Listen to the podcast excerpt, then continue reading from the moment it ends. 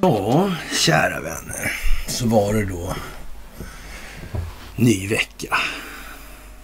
Ja, det är måndag. Den eh, djupa staten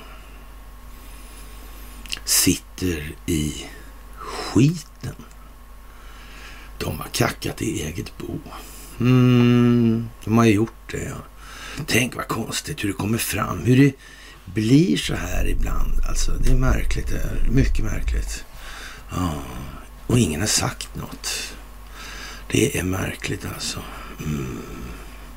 Härska genom söndring funkar åt båda håll, ja.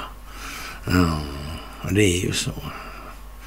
Det är ju så, det är ju gammalt. Det är sen gammalt tillbaka det här. Oj, oj, oj, oj, oj. Vi är ju liksom... Vi är ju nere vid Anskar nu alltså. The old uh, smokestone ploy liksom. Bah. Oh.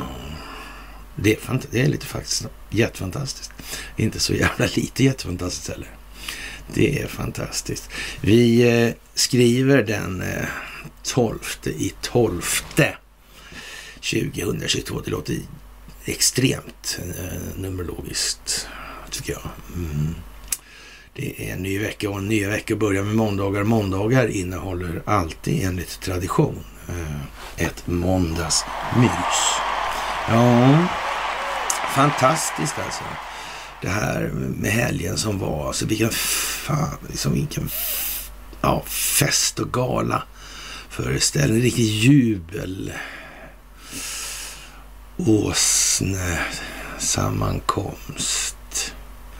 Ah, nej, det är svårt att låta bli att flina elakt. Alla flinar inte lika elakt på tillställningen i fråga. Jag tror inte någon har missat det i det här laget. Nej, det tror jag faktiskt inte. Jag tror de flesta ser att ja, det där blev ju inte så där jävla lyckat kanske. Nej, det blev lite tokigt. Det är många som ja, tappar sugen nu.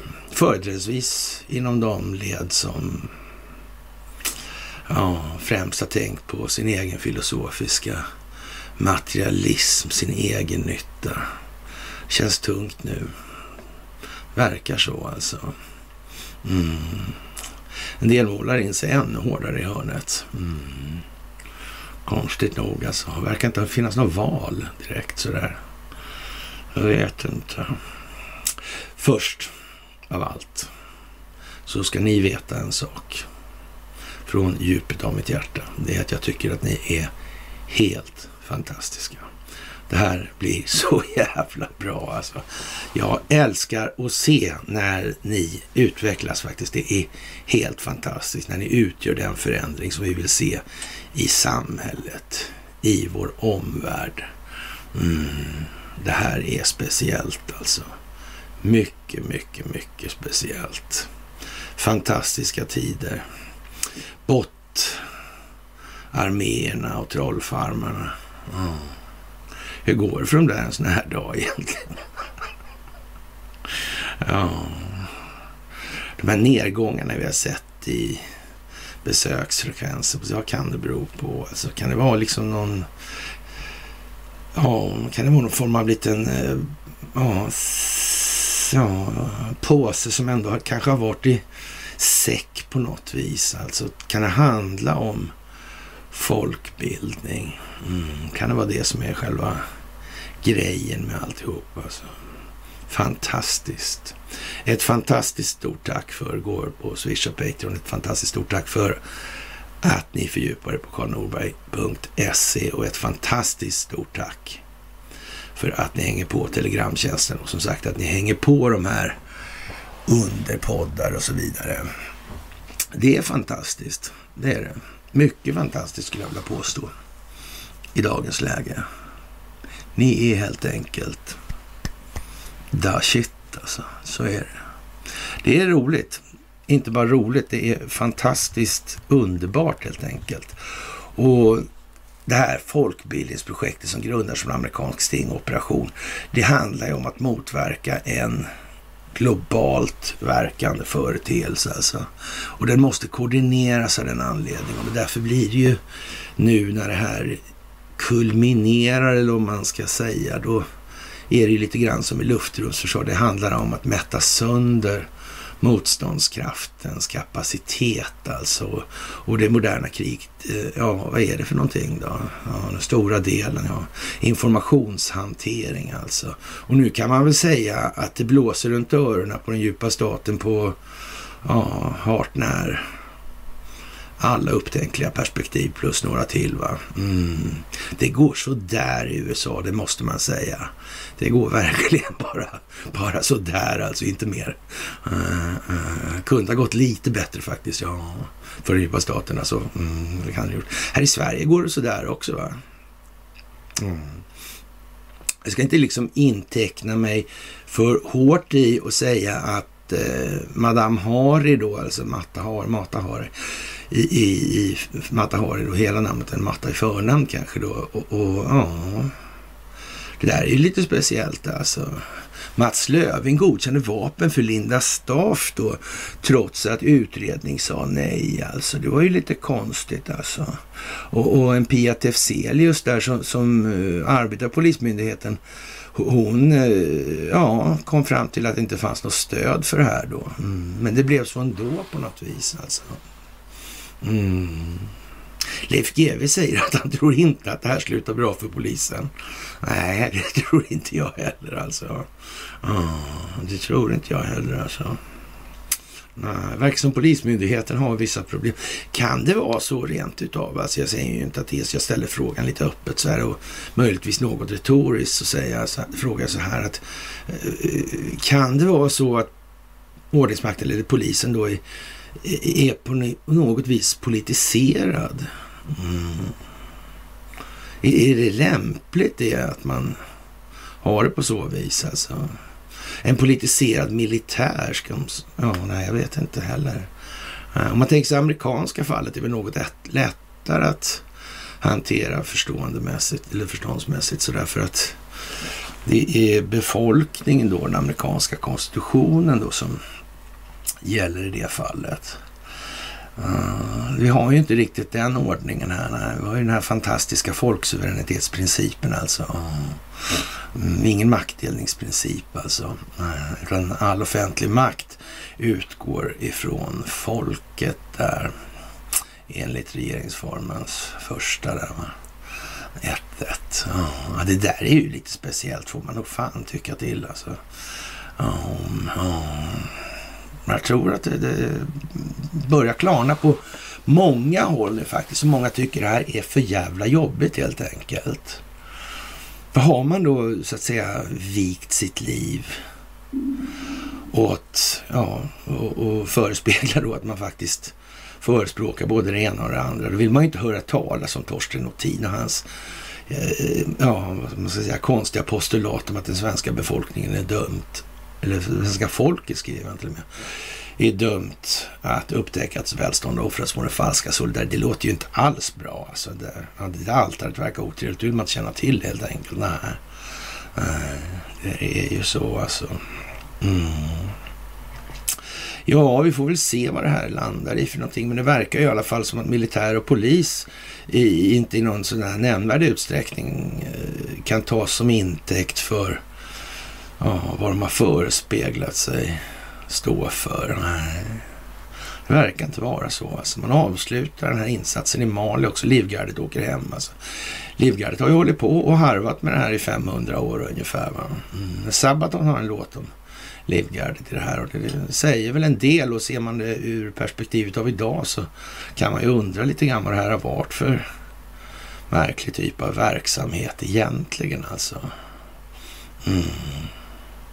Med det sagt är det inte nödvändigtvis så att alla är tappade i samma karaktärsmässiga stöpform. Nej, nej, men en hel del är det nog faktiskt. Det kan man nog faktiskt säga med gott samvete, med lite kännedom i ämnet då. då. Och ja, många tycker ju då liksom att den här Linda Staff verkar vara eh, eh, en obskyr typ som ja, så att säga, går sängvägen till, till eh, framgång där. Men är det verkligen så det här? Det verkar inte ta liksom, det här verkar inte bli någon framgång för henne så tillvida. Nej. Eh, hur var det, sa vi då, att eh, härska genom sönder? Det här med skådisar har vi nämnt någon gång. Men. Frågan är om hon får någon Oscar och Sean Penn i de här sammanhangen nu. Ja, det behöver ju inte vara så alltså. Han kanske bara hade en att ge bort förresten. Som han gav till Zelenskyj tror jag det var. Mm. Han förefaller ha lite med olika saker att göra också. Jag vet inte. Men han kanske spelar på samma sida som Linda Staff. Det vet vi ju inte riktigt. Men som sagt, vi har sagt det rätt många gånger att det kommer ju bli så att det kommer klaras ut i ljusta verkligheten vem som har spelat vilken roll med vilket syfte och det tror jag man ska faktiskt hålla ganska högt i minnet just nu alltså. Mm. Det tror jag är ganska bra alltså. Och ja, går det så går det. Kanske det som sagt har varit i säck innan det kommit på sig. Det vet vi ju inte riktigt alltså. Ja, lite sådär va.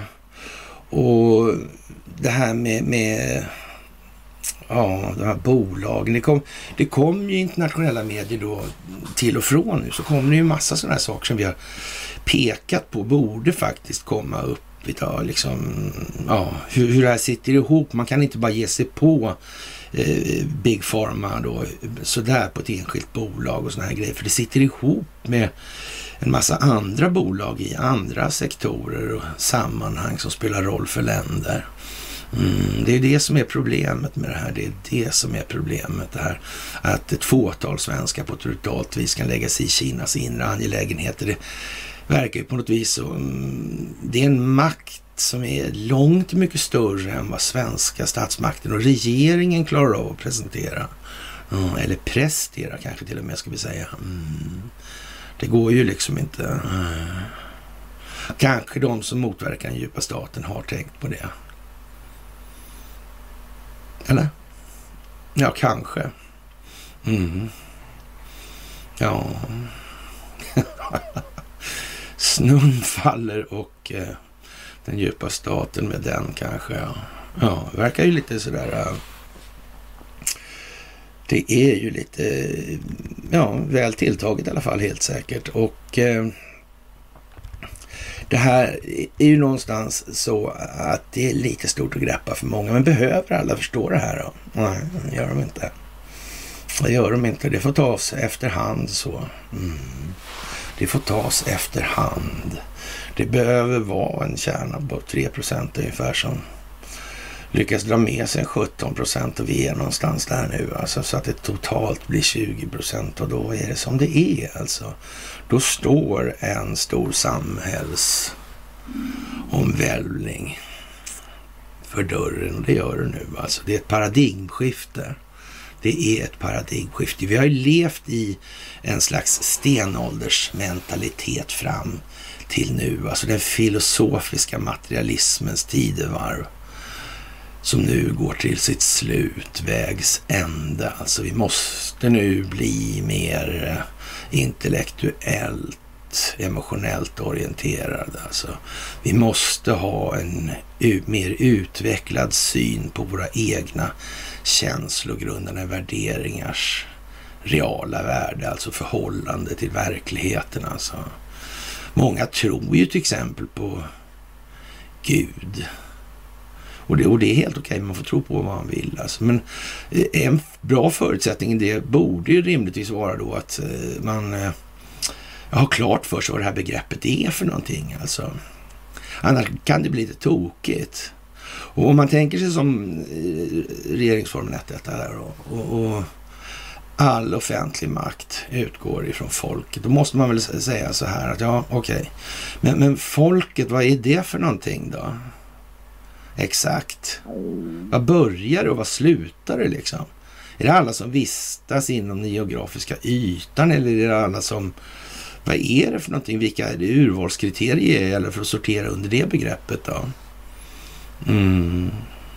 Man kanske inte ens sympatiserar med den här eh, terminologin som används i de här lagtexterna då. Man tycker det verkar helt idiotiskt alltså. Mm, det verkar mest ämnat att skapa förvirring och göra folk osäkra. Mm. Kan det vara så jävla illa? Att språkvården har tagit fäste i allting som... Ja, ja det, det verkar gå igen alltså. Det verkar gå igen. Det är ju lite sådär alltså. Och den ena skandalen avlöser den andra. Och, och den här soppan då med, med EU-topparna då som ja, torskar för korruption liksom och tagit stålar av Qatar. Jag vet inte, är, är det liksom någon sån här... Är det någon höjdare det kanske? Är det någonting bra eller? Den här nuvarande formen och tappningen på det här EU, det verkar väl ja, mest Eh, förefaller i alla fall vara mest eh, ha det syfte att det gynnar de här globalistiska vinstmaximeringsintressena. Som dessutom förefaller ligga bakom skapandet av den här EU-konstruktionen. Mm. Kanske någon har läst någonting om det här någonstans. Kanske någon börjar förstå att det här så här är inte klokt, så här kan man inte ha det. Det är ju ett gammalt CIA-projekt. Så hur var det med det där CIA egentligen? Det, det, som växte fram ur det här OSS, alltså Office of Strategic Services. Ja. Mm, det fanns någon chef där i, i Europa under andra världskriget tror jag. Mm. Allendal. Mm. Delägare i Sullivan Cromwell. Den advokatbyrån som Wallenberg eller Investor nu, Ericsson, anlitar. Mm. Ja, ja, ja, ja, ja. Josef Tsai kom därifrån också, ja. Ser man på, ja. Mm. Verkar... Ja, det verkar snudd på snitslad förståelsemässig bana alltså. Det verkar ha funnits en hel del säckar alltså med små påsar i. Mm. Delar ut som presenter lagom till jul. Det blir en jul att minnas tror jag vi har sagt alltså. Mm. Och, och sen verkar den här Lockerby-prylen komma upp också. Det vet inte. Var inte det lite konstigt med den här eh, FNs vice generalsekreterare Bernt Karlsson där? Som påstod att han var en av fem, alltså fem personer som visste eh, vilka och vilka intressen som mördade Olof Palme. Mm. Men sen störtade det där. Men nu verkar man på något vis ta upp det igen. och nu ska väl han som har gjort den här bomben uttala sig. Fast det, det var, hur var det med den där bomben och Malta där tror jag va? Och var det någon Mifsud där också? Mm. Det fanns någon Josef Mifsud där va? Tror jag. Mm. Och någon artikel där framkom det någonting med den här eh, Mm. Själva tändmekanismen till det där, jag vet inte. Vad konstigt. Tänk så konstigt alltså. Mm. Jag tror att det har lite med Bofors att göra. Jag tror det har med Telub att göra till exempel. Jag tror att det kan ha med Robot 70 att göra. Och de här grejerna. Ja, det är ju lite speciellt alltså. Och det är ju tråkigt alltså. Det, om man säger så här, EUs utrikeschef Josef Borrell kommenterar på måndagen den misstänkta muthärvan i Bryssel, skriver AFP. Det är ja, sannerligen väldigt, väldigt oroande nyheter. Det rör sig om mycket, mycket, mycket allvarliga anklagelser. Det är ju samtidigt som Leif GW säger att Ja, det här kan ju aldrig gå väl alltså för polisen. Det här kommer sluta illa. Leif GW, han känner inte han till det här med promemorian som låg i Karl Perssons kassaskåp? Ja, snus är snus och strunt är strunt. Mm. Antingen det befinner sig i polisiära promemorior eller i politikers munnar. Va? Mm. Ja, ja, ja, ja, ja. Sa visst Olof Palme, ja. Just det, så var det. Det verkar hänga ihop allting där. Det är konstigt. Irlands utrikesminister Simon Coveney kallade uppgifterna skadliga och hans tyska motsvarighet Anna Baerbock varnade för att det kan äventyra Europas trovärdighet. Ja, så verkligen tänka sig. Det var väl oväntat. Ja, ja. Det är ju konstigt. EU-kommissionens ordförande Ursula von der Leyen kallar anklagelserna för ytterst oroväckande. Mm. Har de något på känn? Mm. Gör de saker kanske rent av under en ganska så distinkt regipiska? Mm. Säckar och påsar. Mm. Den niosvansade katten dansar polka på deras ryggar skulle man kunna säga. Mm. Myteriet på Bounty kanske var någonting åt det hållet. Ja. Captain Bly. Ja, den belgiska polisen beslagtog över 6,5 miljoner kronor i en razzia på eh, 16 olika platser i fredags enligt BBC. Fyra personer greps, en av dem EU-parlamentets vice talman Eva Kaili hon har stängts av från sina uppdrag och fick på måndagen sina tillgångar frysta i hemlandet Grekland. Mm. Det där var lite speciellt alltså. Mm. Det verkar vara som att det har med Qatar att göra. Mm. Tänk om de bara inte bara mutat Fifa och EU. Mm. Jag vet inte. Det verkar ha pågått ett projekt, alltså, om jag ska vara ärlig, som går liksom ut på att eh, visa, exponera den här korruptionen. Om vi tar ända ifrån eh, vår egen polisiära Matahari där till eh, Qatar. Det är lite olika skal, skala på verksamheten sådär. Mm. Men det är ändå samma tema. Det är det här med moral och karaktär. Vad är det värt egentligen då? Att hålla på och snacka en massa grejer om samhället hit och dit alltså. Sen leva ja, som varje dag var den sista. Mm. Roffa åt sig allt som bara går. Mm. Och sen snacka om hållbarhet. Långsiktigt. Ja, det verkar jättekonstigt alltså. Börjar folk att genomskåda det här? Jag skulle tro det faktiskt. Jag skulle tro det. Ja. Det är väl därför som den djupa staten sitter där de sitter nu. De har kackat eget bo. Nu har de det ända upp till eh, näsborrarna. Mm. Och bakbundna är de. Ja, det ser ut med fotbojor i botten också. De kommer ingen vart. De har inget val. Ja, det verkar vara en kul sits alltså. Sådär. Föga avundsvärd skulle man väl kunna säga kanske. Och eh, Ja, och, och, det är väl möjligt att Ursula har lite annan eh, skit att tas med också. Det här med, ja, tala om vax och sånt där. Det kan vara så. Mm. Men då är det ju nästan som man undrar om, är hon helt jävla tappad eller? Är hon verkligen så korkad? Va? Va? Och, och, som sagt, man undrar ju lite hur fan kan det gå så här alltså? Mm. Som sagt, det har gått klart länge. Det har det gjort. Alltså vanans makt är stor. Vanans makt är stor. Så är det. Mm. Men vad fan alltså. Hade de verkligen inget annat val? Det verkar inte bättre alltså. Nej. Tråkig historia helt enkelt. Vad händer när tjänstemannaansvaret införs på nytt i Sverige i dagens juridik? Och, och skrivet av en Mats Lönnerblad, författare och skribent i finansrätt. Och om jag inte missminner mig så är väl den här insyltad lite grann i det här att han Bankföreningen också, vad tror jag, var hundra år sedan jag höll på med det där. Så jag tror att jag känner igen namnet därifrån. Men eh, ja, vad ska man säga egentligen? Nej, men tjänstemannaansvaret är ju eh, självklart en viktig del i det här. Men samtidigt som i hans fall då så, så ja, skribent i finansrätt. Ja, men han har väl ändå inte skrikit lungorna ur sig över skuldmättnadens roll i det här. Det tror inte jag. Jag kan ha fel alltså. Det säger jag inget om. Det kan jag absolut ha. Alltså, men Skuldmättnad vet jag aldrig om han har nämnt. Om det är han alltså. Mm. Bankrättsföreningen där. Men det kanske inte är, men oavsett så känner jag inte igen namnet i samband med begreppet skuldmättnad. Det är jag i alla fall helt säker på. Ja. Det har han inte torgfört i någon stor utsträckning som han blev känd för i alla fall.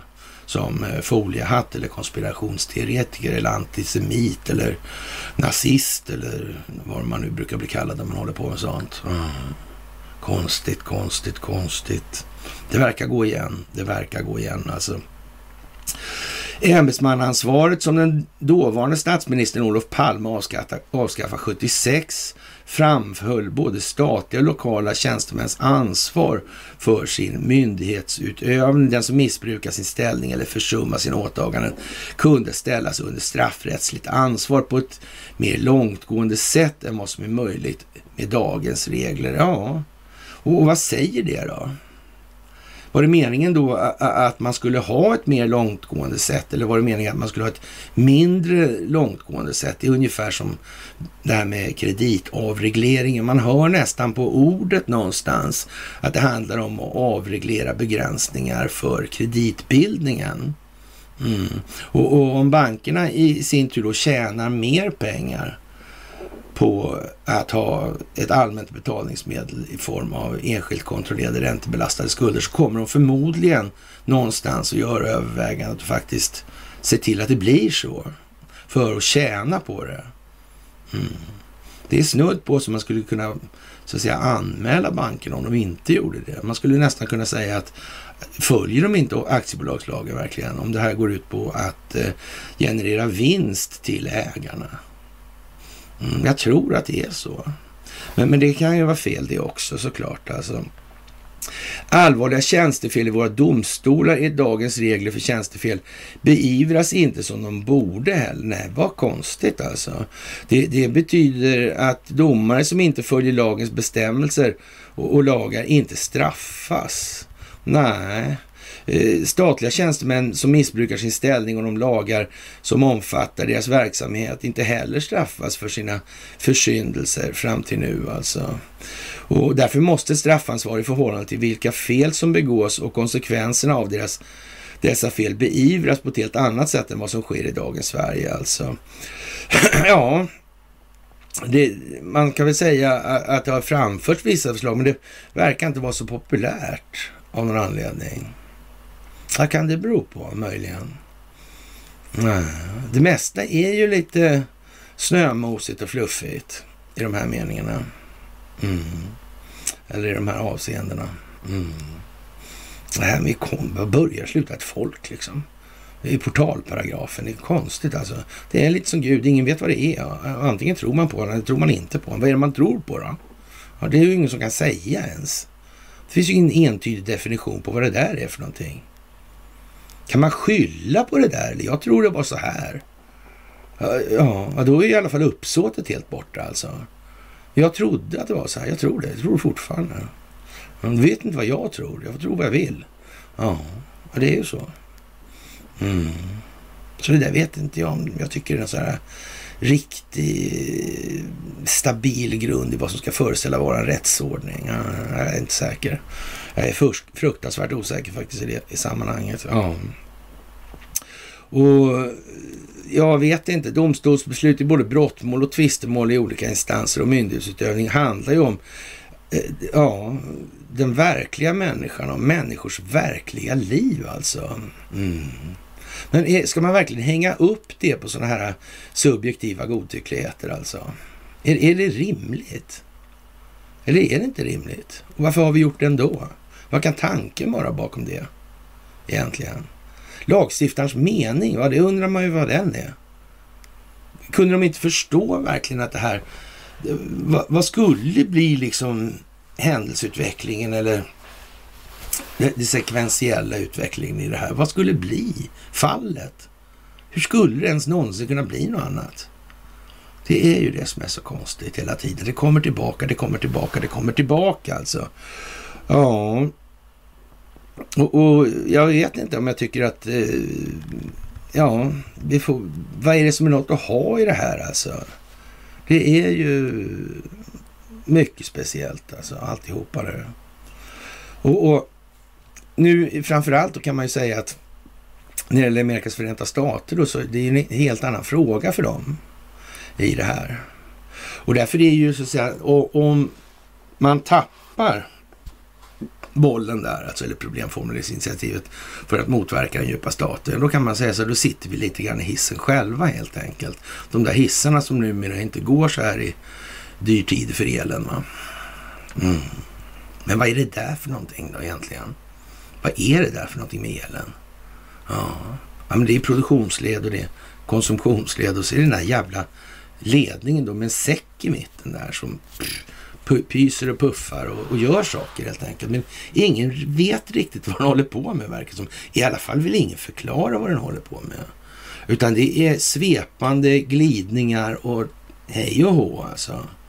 Mm, och vi ska stilla tigande köpa det här budskapet från överheten. Lite grann som eh, Riksbankens verksamhet. Vi kommer tillbaka till den. Ja, vi gör ju det alltså med koppartaken och mm, kopparmynten och hur man fick den svenska befolkningen tycka man jättefin idé att slippa bära runt de där.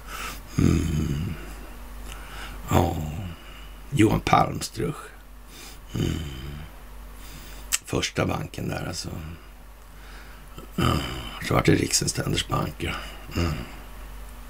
Blev det liksom statlig det där? Ja. Mm. ja. Jag vet inte. Det är mycket, mycket speciellt alltså. I alla fall. Och, och, att man gör sig till tolks på det här viset nu då.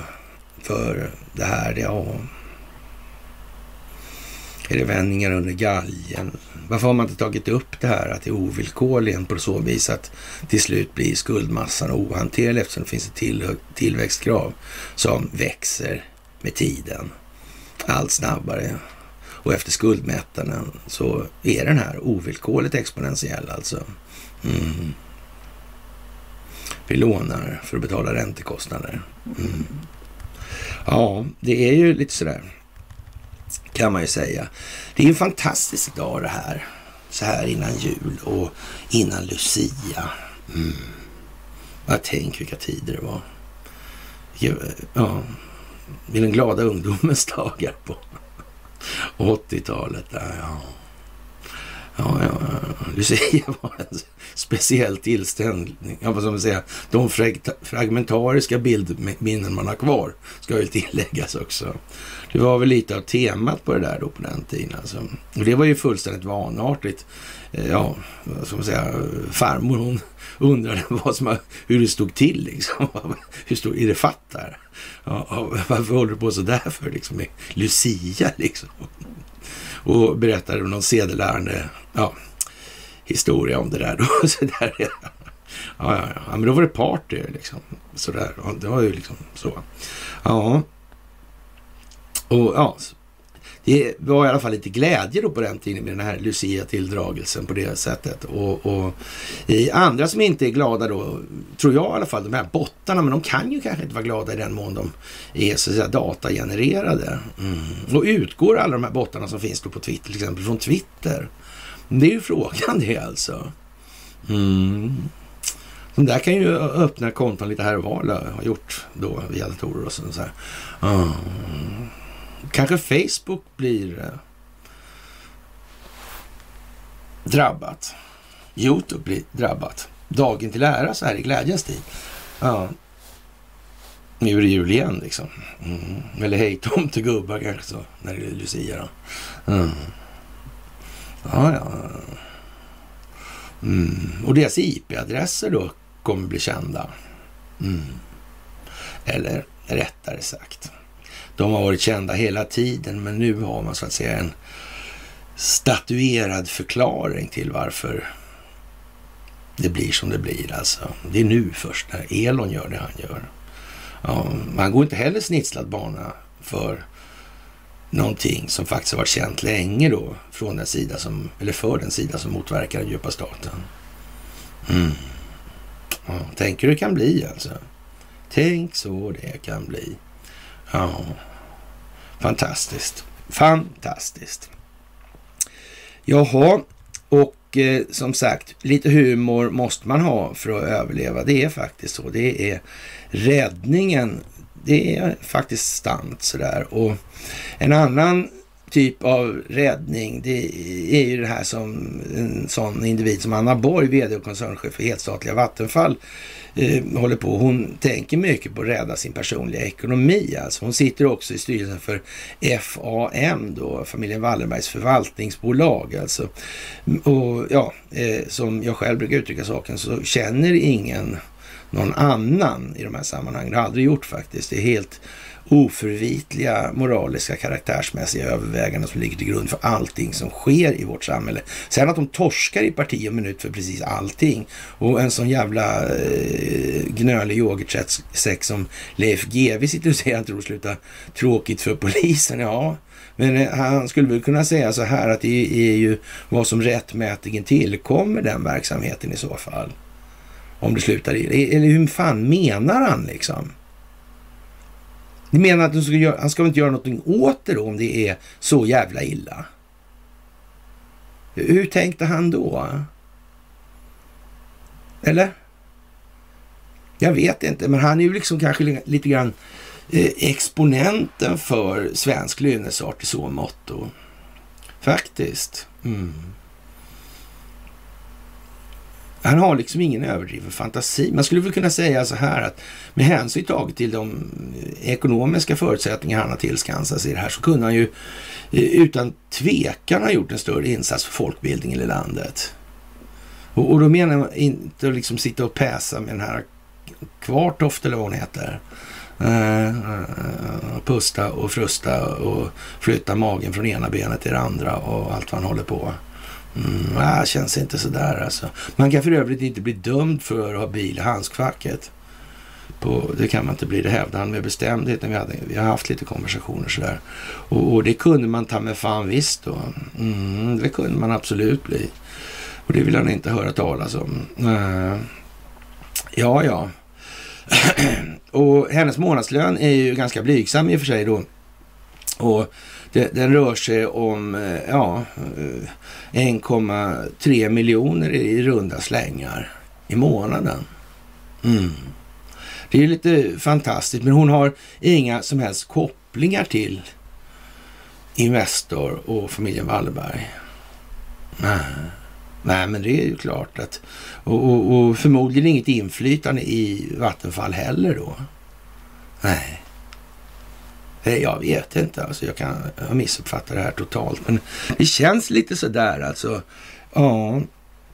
Och det gäller ju att spara på den här elen nu så hon får råd till sin lön då kanske. Eller jag vet inte hur det hänger ihop riktigt med den här säcken mellan producentled och konsumentled. Alltså, vi får ju inte öppna kylskåpet och, vi, och så vidare. Det här är mycket sånt där nu. Mm. Det är mycket så här och då är det många sådana arga faktiskt som är, har öppna profiler som tycker till här nu. Ja, det är ju det. Det är ju konstigt alltså.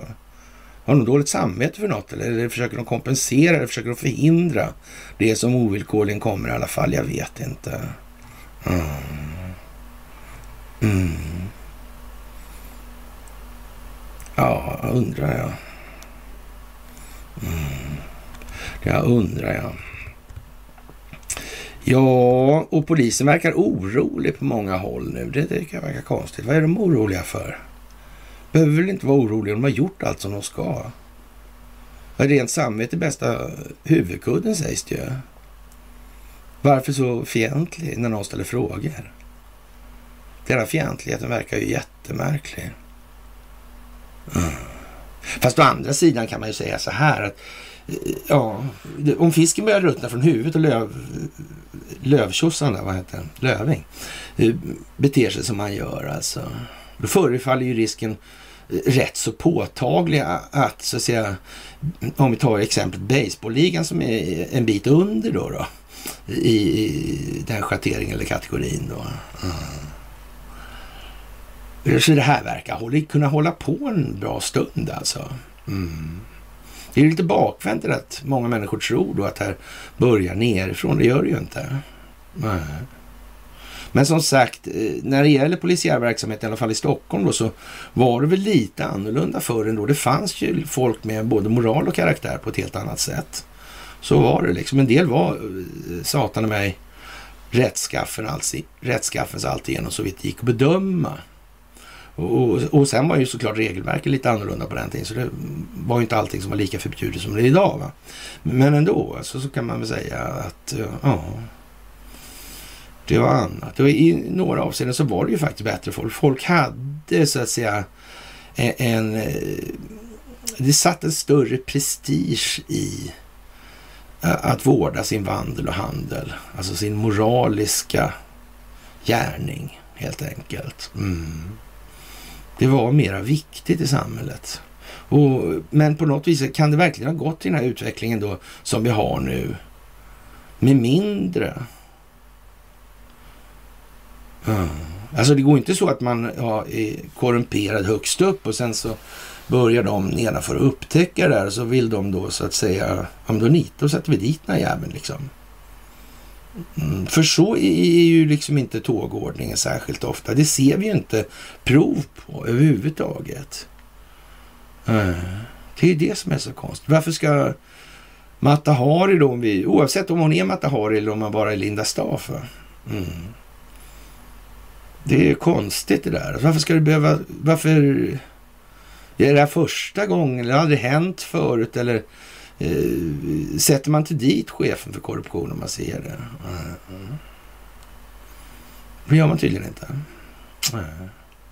Jag tror det verkar på något vis peka på att problemet ligger mycket mer i oss själva än vad vi är benägna att erkänna.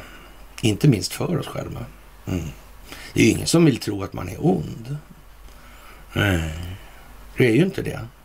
Alla vill ju tro att de själv är goda. Självbedrägeriet är inte så lite utbrett. Inte så lite. Allt och för övrigt ska jag tacka också för det här.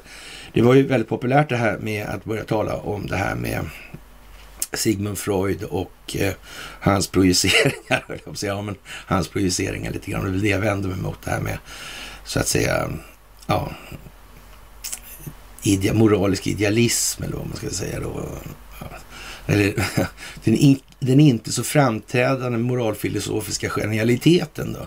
För att vara lite mer syrlig i, i uttrycket då.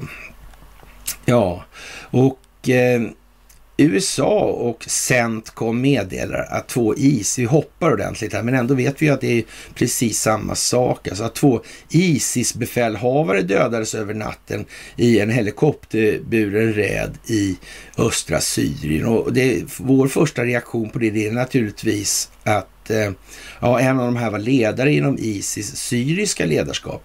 Och, och vi får ju hoppas då att Eh, det inte var någon av de här som hade blivit mutade då av Ericsson till exempel, som plägar muta Isis i, i tid och otid, kanske mest i otid faktiskt.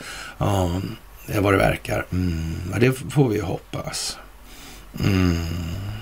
Men, men eh, konstigt då liksom att, eh, att amerikanerna dödar de här. Visst, ja, det handlar ju inte om länder sådär. Nej, nej. För man motverkar alla länderna som har så att säga en, eh, ja, en del av den djupa staten inom sig. Mm, de får ju göra det nu. Bekämpa den djupa staten, annars så blir det här väldigt tokigt. Mm. Och den koordinationen verkar ju faktiskt genomarbetad, ordentligt genomarbetad. Faktiskt. Ja. Ja, det är lite udda faktiskt det där rent ut sagt. Det får man nog säga. Och ja, förtroendet ökar naturligtvis ytterligare för bankverksamheten. Inte nog med att det var katastrof i lördags då med Melodifestivalen höll jag på att säga, men den andra eländesföreställningen alltså. Mm. Nobelmiddagen där ja. Mm. Men eh, det blev inte så bra för bankerna där alltså. Och eh, Nordea har då lyckats med konststycket att man har dragit beloppen dubbelt, alltså två gånger. Och, och ja, ett antal kunder hos Nordea som har fått förköp som har gjorts sedan 8-10 december har dragits två gånger. Alltså.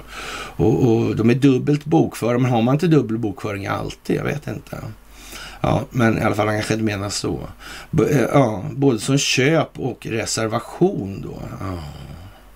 Säger Henrik de Väl, presskommunikatör på Nordea. Mm. Och det är tekniska problem i det här. Mm. Men sånt borde ju få folk att vakna till lite grann och tycka att det här verkar ju fel. Mm. Det verkar ju vara liksom, det går igen överallt i samhället Det är inte polisen så är det banken. Det, det är de här riktiga grundpelarna. Uh, samhällets ryggrad. Uh. Tänk vad märkligt egentligen alltså. Det är jättekonstigt alltså. Mm. Jaha, och eh, som sagt det här med Linda Staff. Det är en åklagare som inleder förundersökning om tillsättningen av Linda Staff i det här. Mm.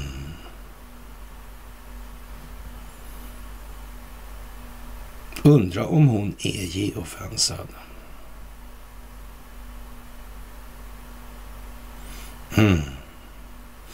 Ja, I så fall så vågar man väl nästan säga att det här liknar lite grann Sundsvalls kommunstyrelse och Skifö.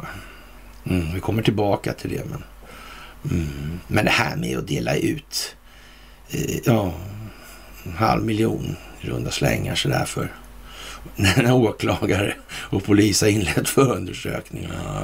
Ja, vet fan, inte ens i Sundsvall tror jag. Ja, kan de inte titta varandra i ögonen på någon, någon dag i veckan i alla fall. Ja, ja.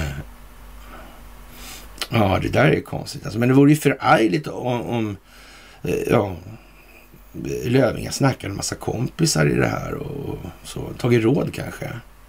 Mm. Ja, vad fint det skulle bli. Men så skulle ju aldrig någon göra och speciellt inte om Linda Staff egentligen är, vad ska man säga, en akronym för Matahari, eller på säga, men nej. Ja, ja, men ni förstår. Mm. Det där skulle ju kunna bli hur smaskigt som helst. Lite som eh, eh Leif GW säger, det här slutar inte bra för polisen. Nej, det kan man säga. Uh, uh. Det verkar ju otroligt konstigt faktiskt. Mm. Ja, ja, det blir väl tokigt kanske. Jag vet inte. Mm. Och eh, ja, som sagt, det är det här med att civilisationen bygger på samarbete. Det är liksom, bygger inte på krig, eliminering, konkurrens på det viset. Alltså.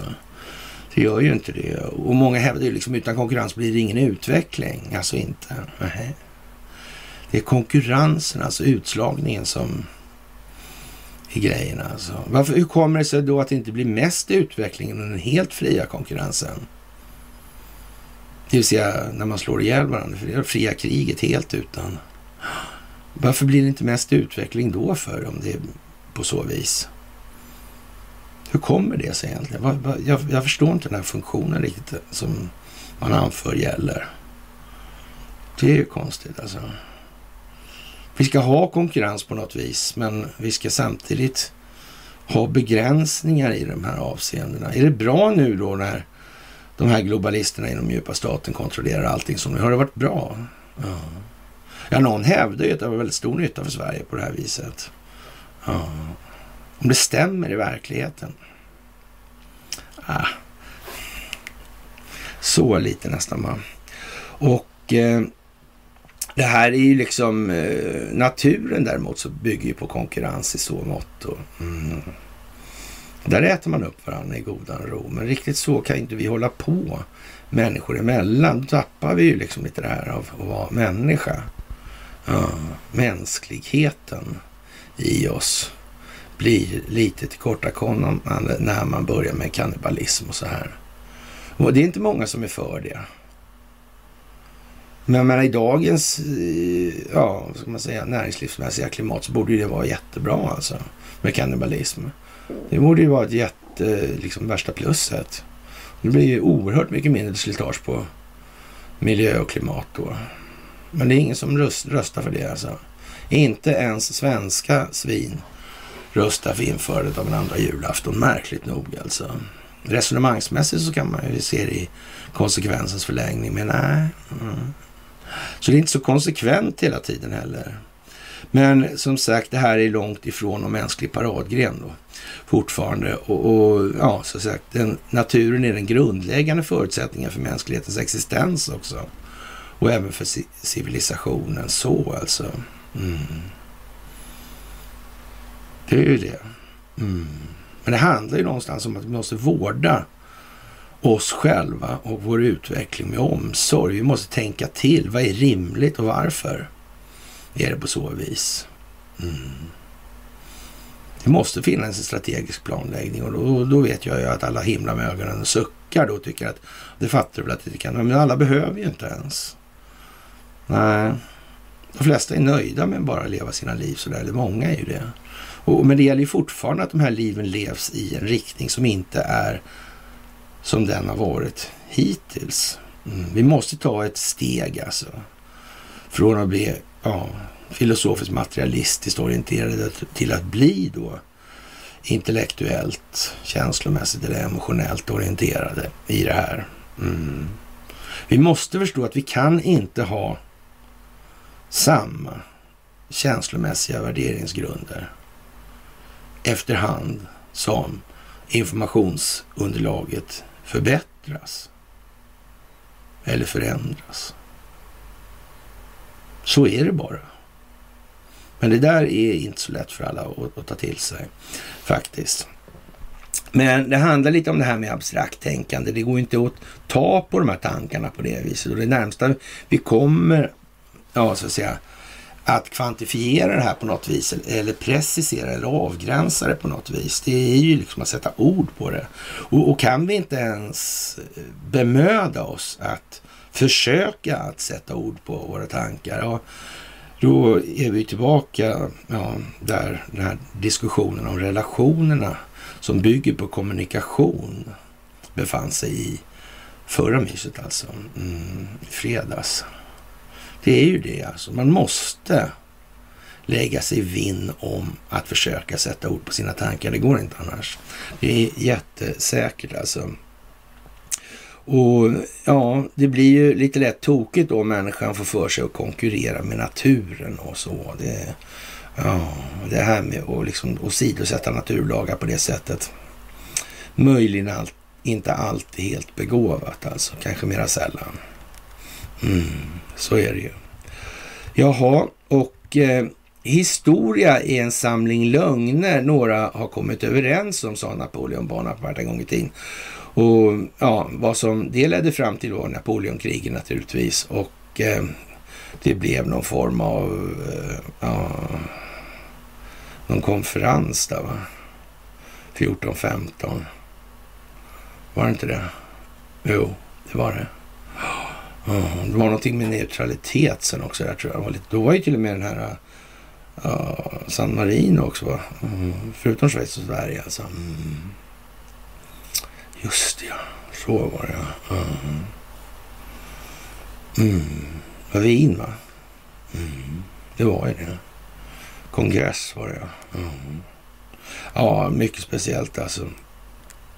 Och eh, ja, historia är alltså en samling lögner alltså. Och, och, det fanns till exempel jägare och samlarsamhällen som skapade städer utan att gå igenom jordbruksfasen. Och Ja, förra året kom boken The Dawn of Everything ut på engelska och skapade omedelbart debatt. Boken är skriven av arkeologen David Wengrow och antropologen och anarkisten David Gräber, känd för både sin politiska aktivism inom Occupy-rörelsen och böcker som Skuld och Bullshit Jobs. Ja. Det där är, det kommer på svenska också just nu. Mm. Det kanske är någonting som man, de slår ett slag för i det här. Och det det kan man ju tycka då om, nu i och för sig Occupy-rörelsen är ju ytterligt sådär tveksam och den var inte bara lite infiltrerad. Ska man säga. Jag kommer ihåg det, jag höll tal då 2010 någon gång på Sergels torg faktiskt när det här höll på. Och det får man ju säga var ju varenda jävla kändis från etablissemanget som ska företräda eller föreställa var någonting eh, ja, värd sin moraliska karaktär. Alltså, nej, men hej och hå. Alltså, men det må, det må ju vara som det är med den saken. För det här behöver ju inte betyda att... Det här står ju alltså i Aftonbladet nu och det i sin tur kommer ju naturligtvis att eh, göra att utvecklingen går betydligt mycket snabbare när man gör torg för den här typen av frågor alltså. Och eh, ja, som sagt, eh, den här släpper in frisk luft i stängda rum och vidgar synfältet både bakåt och fram i tiden alltså. Mm. Det är ju konstigt att man propagerar för sånt liksom. Ja, det handlar om frihet. Ja, den att röra sig fritt, den att vägra lyda order och friheten att själv få definiera sina sociala relationer Borde vi inte ha en ambition att ta de här friheterna tillbaka?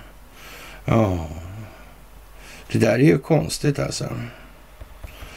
Ja, det där är mycket märkligt att man kommer med det här nu, får man nog säga. Just i den här tiden alltså. Mm. Ja, det är ju så. Men det kommer nu i alla fall. Man kan väl undra om det inte är en tanke bakom det här någonstans. Det ser ut som det skulle kunna vara det i alla fall. Vi kan definitivt inte utesluta det eftersom det är så här det är. Det kan ju bara ramlat på så här naturligtvis. Slumpa sig som man fick tid alltså. Och, och, och det är ju, ja då är det ju så, men ja, samtidigt så jag vet inte. Mm. Från norra Stilla havskustens slavägande hierarkiska samhällen till Kaliforniens mer jämlika gemenskaper med närmast luthersk fokus på plikt och hårt arbete, bara för att nämna ett par exempel. Och de här då hävdar att den europeiska idédebatten och upplysningen påverkades av mötet med dessa ursprungsfolk och deras intellektuella traditioner som fann sin väg till salongerna i Paris i slutet av 1600-talet. Ja. Mm, var det någon annan som var i farten här på 1600-talet? Ja, jag vet inte. Men det kan ha varit det. Det kan ha varit det. Mm. Och det här med andra civilisationer, alltså som statiska och politiska och outvecklade. Oh. När européerna kom till Syd och Nordamerika möttes, mötte de imperier och strukturer som var produkter av många hundra år av idéutveckling och konflikter och experimenterande. Men ja, det gick som det gick där på något vis. Mm. Var det så bra det här då egentligen? Med facit i hand. Alla blev lyckliga och glada. Jag vet inte faktiskt. Jaha, och när det gäller Fauci då så verkar Elon Musk tycka då att eh, det här är ju inget vidare. Det här med gain of function och sådär. CRISPR gensaxen. Mm. Det kommer närmare alltså. Allt närmare. Hur går det för Tedros i de här sammanhangen? Ja, jag vet inte. Vi får se helt enkelt. Jag har ingen aning. Inte någon aning. Ja. Och den övervakningsstaten håller på att växa fram här nu. Mm. Överallt alltså. Mm. Måste vi tänka på det där? Klar, eller ska vi ha ett liv utan känslor till exempel? Mm. Eller ska livet bestå av en väg som... Ja, betyder att man hela tiden ska ifrågasätta sig själv. Fan. Jag tänker vad konstigt egentligen att man inte kan berätta samma skämt för sig själv hela tiden och skratta lika mycket. Det är jättekonstigt. Det är verkligen överraskande. Mm. Men det är lite så resonemanget går alltså. Mm. Ja, den gamla favorithistorien. Ja, och eh, tyska ja, molekylärbiologer då eh, avslöjar ett koncept med första då artificiella livmoder, ja, eh, i storskaligt, alltså livmödrar, höll jag säga. Men, ja. och, och de kan producera en hel massa barn. Mm, fantastiskt alltså. Mm. Det, det kan man säga som den här transhumanismen alltså. Mm. Men är det bra det där då? Hur, hur blir det då om vi kan ställa, framställa liv på så, så pass konstgjord väg? Blir det inflation kanske? I det känslomässiga engagemanget. Ja, om man ändå kan göra ett par miljoner nya likadana alltså. Jag vet inte. Är det rimligt? Det här med individen, odelbar. Mm. Ensam med sin känsloupplevelse. Ja, då börjar man komma liksom dit att, jaha. En farlig mark kanske. Mm. Ja, det kan man väl säga. Det är moraliskt högst tvivelaktigt vill jag påstå. Mm. Jaha, och eh, som eh, vi har pratat om. Miljöprövningar pausas för vattenkraften. Varje kilowattimme räknas. Regeringen pausar omprövningen av vattenkraftens miljötillstånd i 12 månader och eh, mm, det där är ju lite speciellt alltså. Det här handlar ju om, nu har man kommit fram till då, det vi har sagt i, hela tiden i det här att eh, ja, näringsförsörjningen för Östersjön den beror ju till stora delar på de här älvarna som är så reglerade. Mm. Mm. Nu måste vi pausa det där. Men han säger ju då den här experten som uttalar sig att eh, vi måste ha vattenkraft så alltså. Men, men nu skulle man pausa det här i 12 månader. Men vem vet alltså? Vad hinner hända i andra änden på 12 månader? Kanske de SMR reaktorerna alltså. Mm. Små modulära rackare. En del av det där kanske. Det verkar gå framåt också med fusionsindustrin. Den senaste dygnen så har man redovisat att man, ja, påstås i alla fall, har producerat mer energi än man stoppat in genom fusionskraft. Ja. Tänk om det är så dumt alltså. Att det finns massor med patent i byrålådorna. Mm. Det verkar mycket med det här med immaterialrätten som verkar gått lite annorlunda senaste dygnen. Ja. Ericsson och Apple kom överens då. Man flaggade lite för det och sa att det skulle ske söndag kväll, måndag morgon. Och nu alltså. Mm. Ja. Men vem är det som vill ha pengar av vem egentligen i det här sammanhanget? Mm. Eller kom Apple på att där, ska vi ska betala så mycket som Ericsson vill ha bara, så var det ingenting att snacka om mer. Eller hur var det där? Är det samma Ericsson som amerikanska justitiedepartementet har fingrarna på? Mm. Jag vet inte. Inte säker. Skulle kunna vara alltså. Ja, de måste ju göra någonting att de mutar IS i alla fall. Så kan vi väl säga. Ja, det där är ju lite speciellt alltså. Även små försvagningar av elsystemet kan få allför, allvarliga påföljder för elförsörjningen. Därför behövs det nu det här innan omprövningen fortsätter en ordentlig analys av vad vårt elsystem klarar av, säger man då från eh, miljöministern och eh, Bush då. Ja, jag vet inte. Miljötillstånd äldre än 40 år omprövas för närvarande. Ett arbete som är planerat att pågå under en 20-årsperiod alltså. Ja. Aftonbladet skriver att miljöorganisationer som Naturskyddsföreningen och Älvräddarnas samorganisation har kritiserat beslutet att pausa omprövningarna. Men det är lite grann ändå tror jag faktiskt att det må ju vara så att den här alltså säga, mineraltillförseln då till Östersjön blir då fördröjd lite grann. Mm. Det kan det vara. Men frågan är om inte det är... måste åtminstone finnas, åtminstone finnas folk kvar som kan göra någonting åt situationen. Man får tänka på liksom vad som är det större perspektivet egentligen. Vad ska verka vägledande och när? För vem? I det här.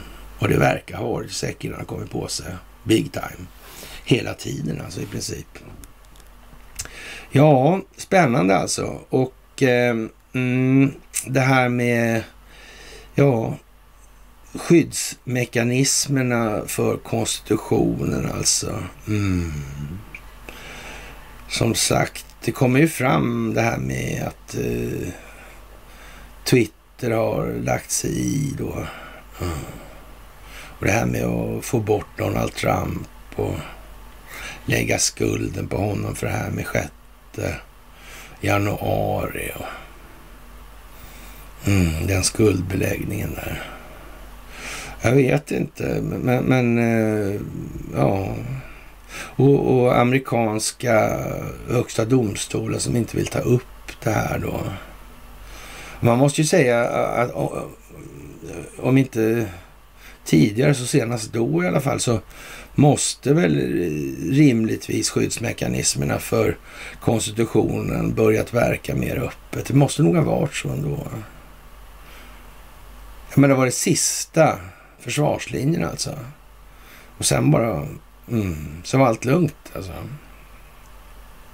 Jag tror faktiskt inte det.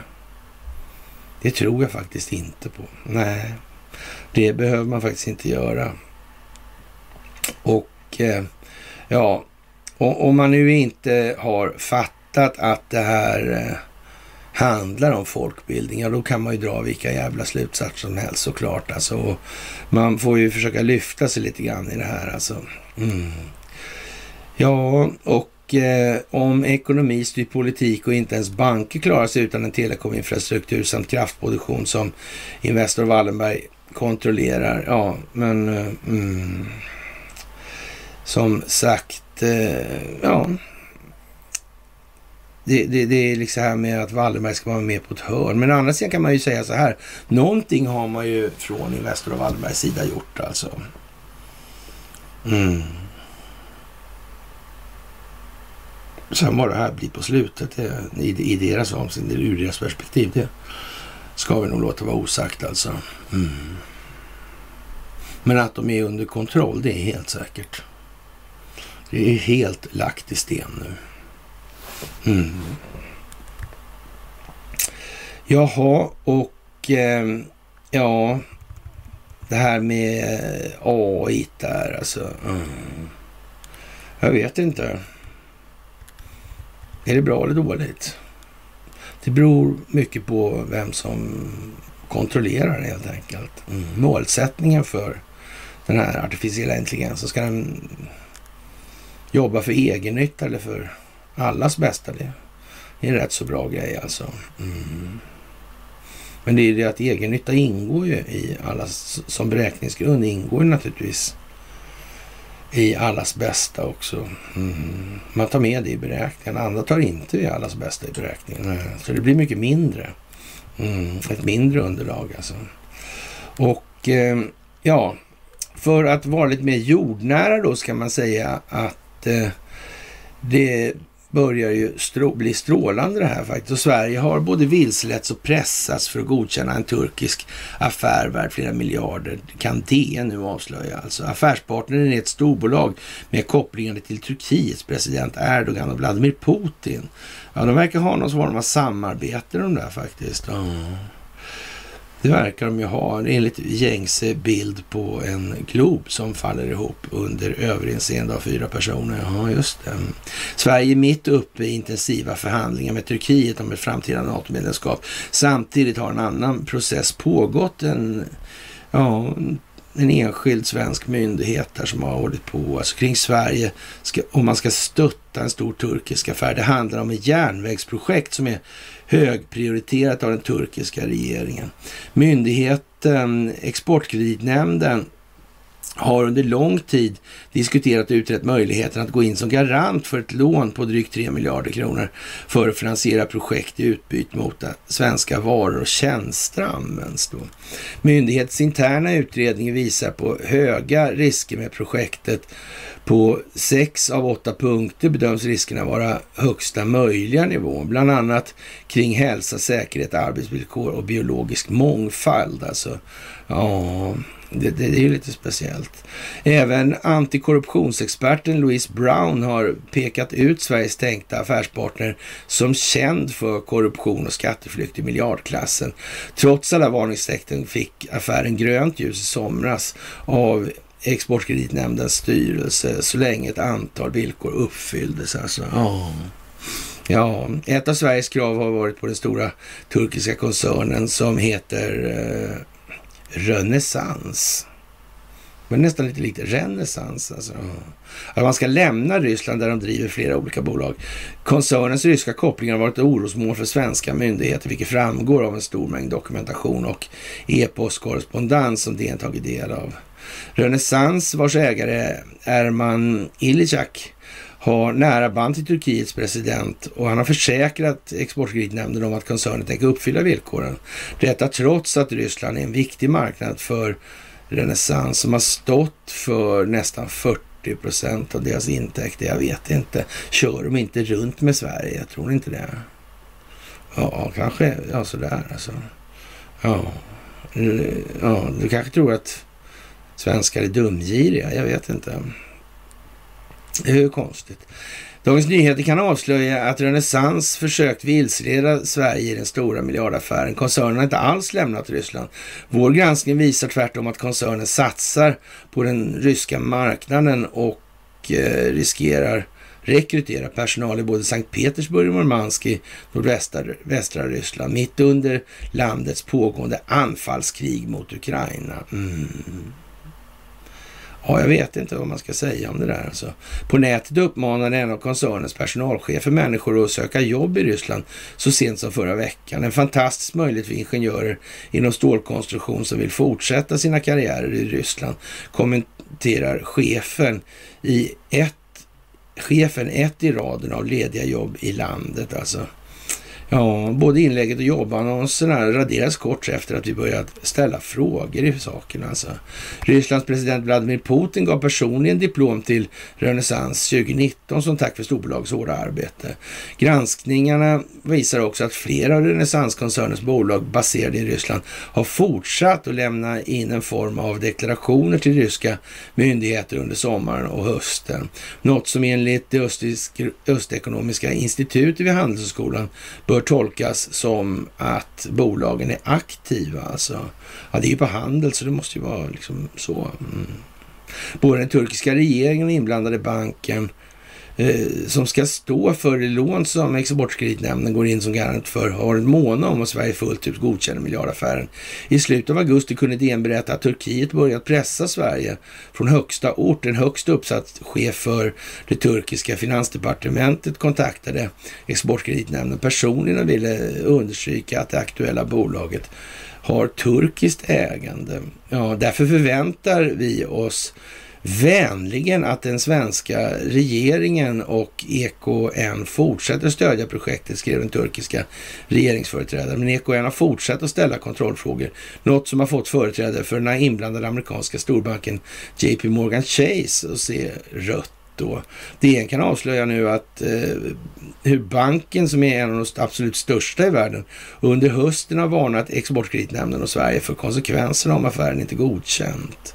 Om detta underlag inte räcker för att möta Exportkreditnämndens krav så är det om jag ska vara ärlig, dags för svenska diplomater att förbereda sig på att förklara sig för Turkiets regering om varför man inte godkänner järnvägsfinansieringen, skrev banken till Exportkreditnämnden i augusti. Och i ljuset av det då kan man väl säga så men det verkar väl inte så bra för NATO-ansökningen. Man kan ju tycka det liksom, men då har man ju naturligtvis i, i, i samma andet också lova att det har inte med varandra att göra. Ja, jag vet inte. Ljuger de? Jag vet inte. Nej. Ja, ja, ja, ja, ja. Det är alltså som det är där. Mm. Det är svårt alltså. Konstigt. Affären har nu pausats från Sveriges sida eftersom Renaissance inte uppfyllt sina villkor. I ett internt dokument från slutet av november som vi tagit del av står det att Renaissance brustit i pålitlighet och transparens i sin kommunikation med Exportkreditnämnden. Ja, det är ju konstigt alltså. Men ändå är det så bråttom där att komma med i NATO. Menar man allvar här eller? det verkar vara en konstig situation. Alltså ett märkligt skådespel alltså. Det handlar om opinion. Mm. Har man den med sig så kan man göra vad man vill. Har man den inte med sig så kan man inte göra någonting. Nej. Ja. Mm. Varken renässans eller turkiska finansdepartementet har gått att nå för en kommentar. JP Morgan Chase har meddelat att de inte vill ge några kommentarer. Exportkreditnämnden och Utrikesdepartementet har tidigare förnekat att affären har några kopplingar till Sveriges NATO-process. Ja. Mm. ja, jag vet inte. Kanske det, det verkar vara lite av ett val här då, då som Sverige ställs inför.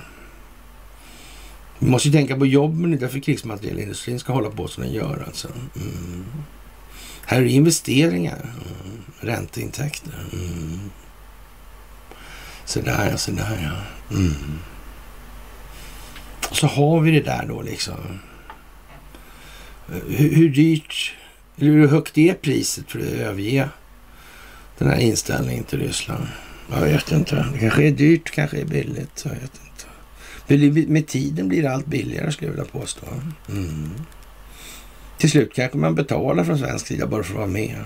Kanske står på knä och ber om att köpa billig diesel. Jag vet inte, vi sa det för hundra år sedan, men inte kan det väl bli så ändå alltså. Och EU stabilt och NATO ännu mer stabilt. Mm. Ja, det där är ju märkliga grejer alltså. Mm. Ja. Renässansen som grundades i Ryssland har flera gånger utretts för korruption. Renässans ägare har kopplingar till både Turkiets president Recep Tayyip Erdogan och personer närstående den ryska presidenten Vladimir Putin. Ja, ja det där är ju konstigt. Mm. Mycket, mycket verkligt alltså. Mm. ja, som sagt alltså. Och ja, svenskarna tyngs av skulder. Samtidigt skenar priserna för ovanligt en skuld i en lågkonjunktur. Jag vet inte. Det är svårt det där med begreppen alltså. Och, och, det leder i sin tur till minskad konsumtion på grund av ett högt räntetryck alltså. Och jag vet inte, ska man hålla på och analysera det här längre ens? Är det värt det? Men om man förstår man den mekaniska funktionen, så den här prosan som de håller sig med. Ja, nej. Förtroendet är borta. Det är bara så. Det är vansinnet som talar. Om man lägger mer tid på det. Det är intellektuellt dött. Och det är lagt i sten att det är på så vis. Och många är ju naturligtvis väldigt, väldigt ledsna och eh, upprörda över situationen. Och som sagt, det här med att avväpna väst alltså. Mm. Och de här lagren av militär materiel alltså. Mm. Vad det blev för tokigt det där alltså. Så dumt alltså. Mm. När man börjar erkänna det öppet från EUs sida. Har det inte blivit något fel då någonstans i det här? Men jag tror det. Mm. Vad börjar folk tycka då? då? Vi tar hit lite amerikaner så försvarar de oss så slipper vi göra det själva. Mm. Mm. Vi tänker i alla fall inte åka utomlands för att... Nej, det tänker vi inte. Mm. Ja, det är lite tråkigt kanske. Mm.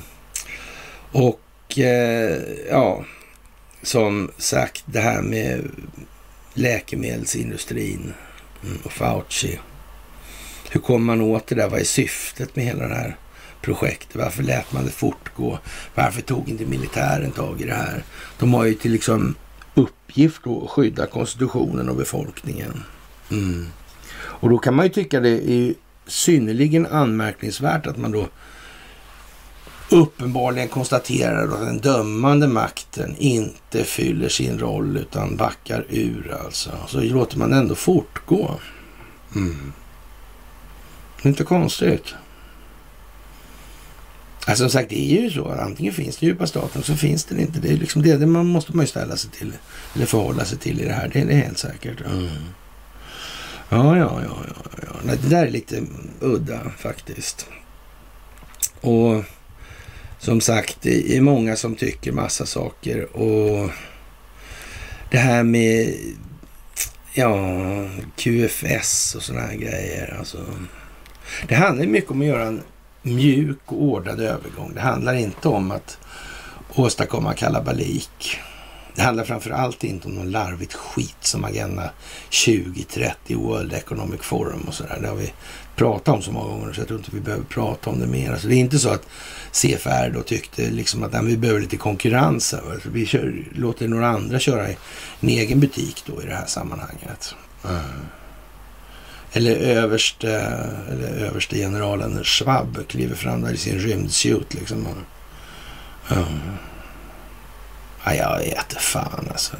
Han får ju Blixtgården att framstå som modern liksom. Mm.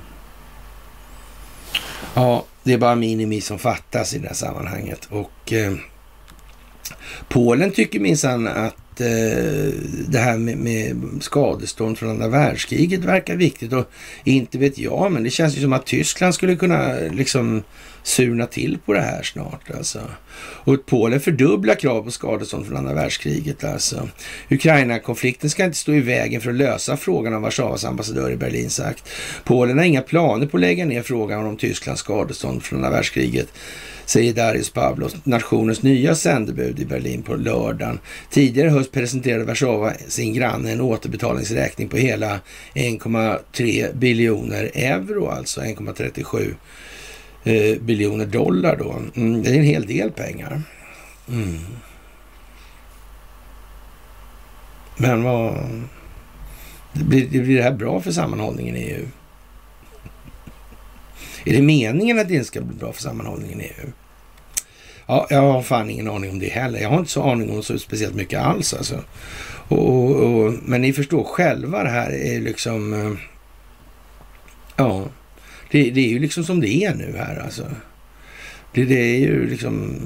Och, och, frågan är väl egentligen då i det här sammanhanget då, det här bolagskonglomeratet som skulle upplösas då i massa delar så här och, och, och de här antitrustlagarna som Harry S. Truman eh, införde då som gjorde då att allt det här med IG-Farben och det här militärindustriella komplexet och underrättelsetjänstkollektiv och alla sådana här grejer som var djupa statusverk. Det, det slutade då, det bara försvann alltså.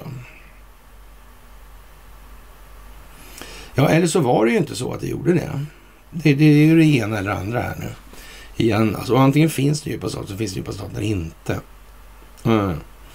Antingen finns det institutionaliserad korruption på ett sätt som är samverkande över hela samhällslinjen i det här. Det är ju liksom en nomenklatur, en slags elit alltså. Som, eh, ja, vad ska vi säga, med sina moraliska karaktärsmässiga utsvävningar håller varandra om ryggen alltså. Mm. Men hur går det egentligen? När går det här på grund då? Går det liksom att bli hur korrumperat? Det går ju liksom neråt. Det här. Det är ju konstigt alltså. Det är ju konstigt.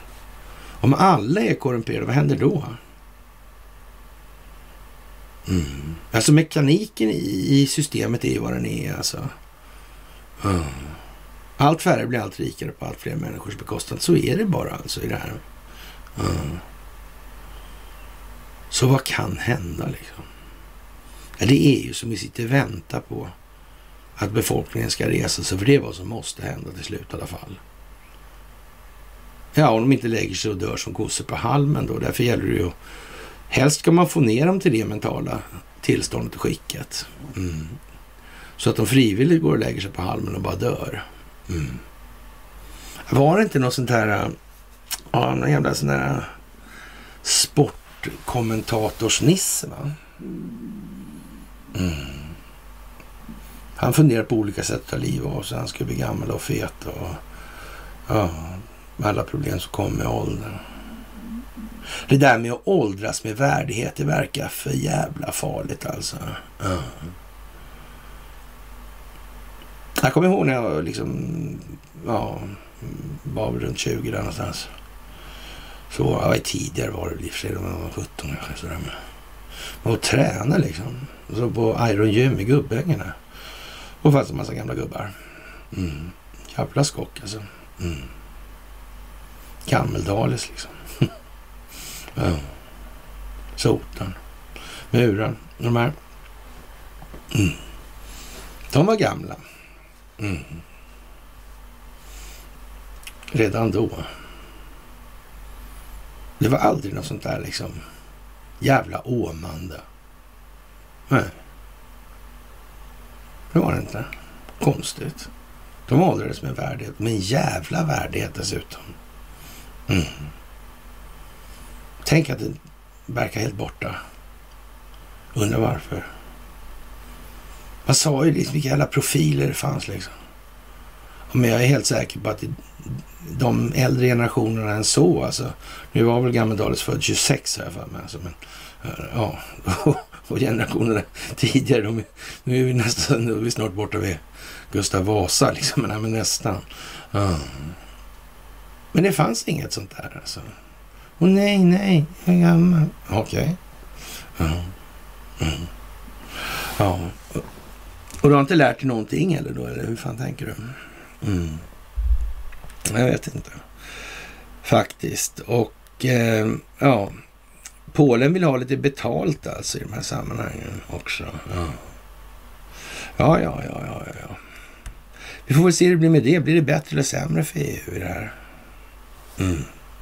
Alltså att befolkningen skulle lägga sig ner och dö som kossor på halmen, det kommer inte hända. Det kommer inte ens hända med den svenska befolkningen.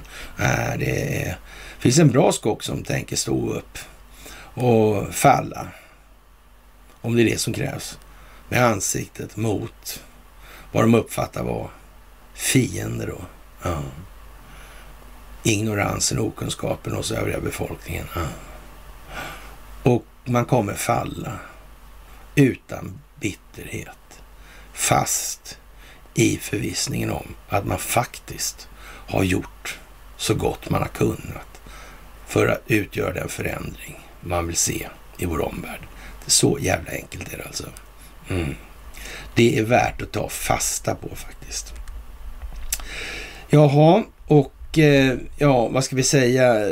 Det här med eh, Twitter alltså. Det blir ju en väldigt stor grej här idag. Och vi får väl se vad, vad, vad som kommer fram. Alltså, vem är det som sitter och producerar de här? Är det någon annan plattform som håller på och trixa med de här bottarna mer än någon annan kanske? Eller är det jämnt över hela linjen? Eller ja, hur kommer det där att bli egentligen? Hur går det med aktiekursen för Meta till exempel om det visar sig att Facebook har suttit och kört bottar på Twitter hur mycket som helst? Mm för att förändra algoritmerna? Jag vet inte. Vet inte, vet inte, vet inte.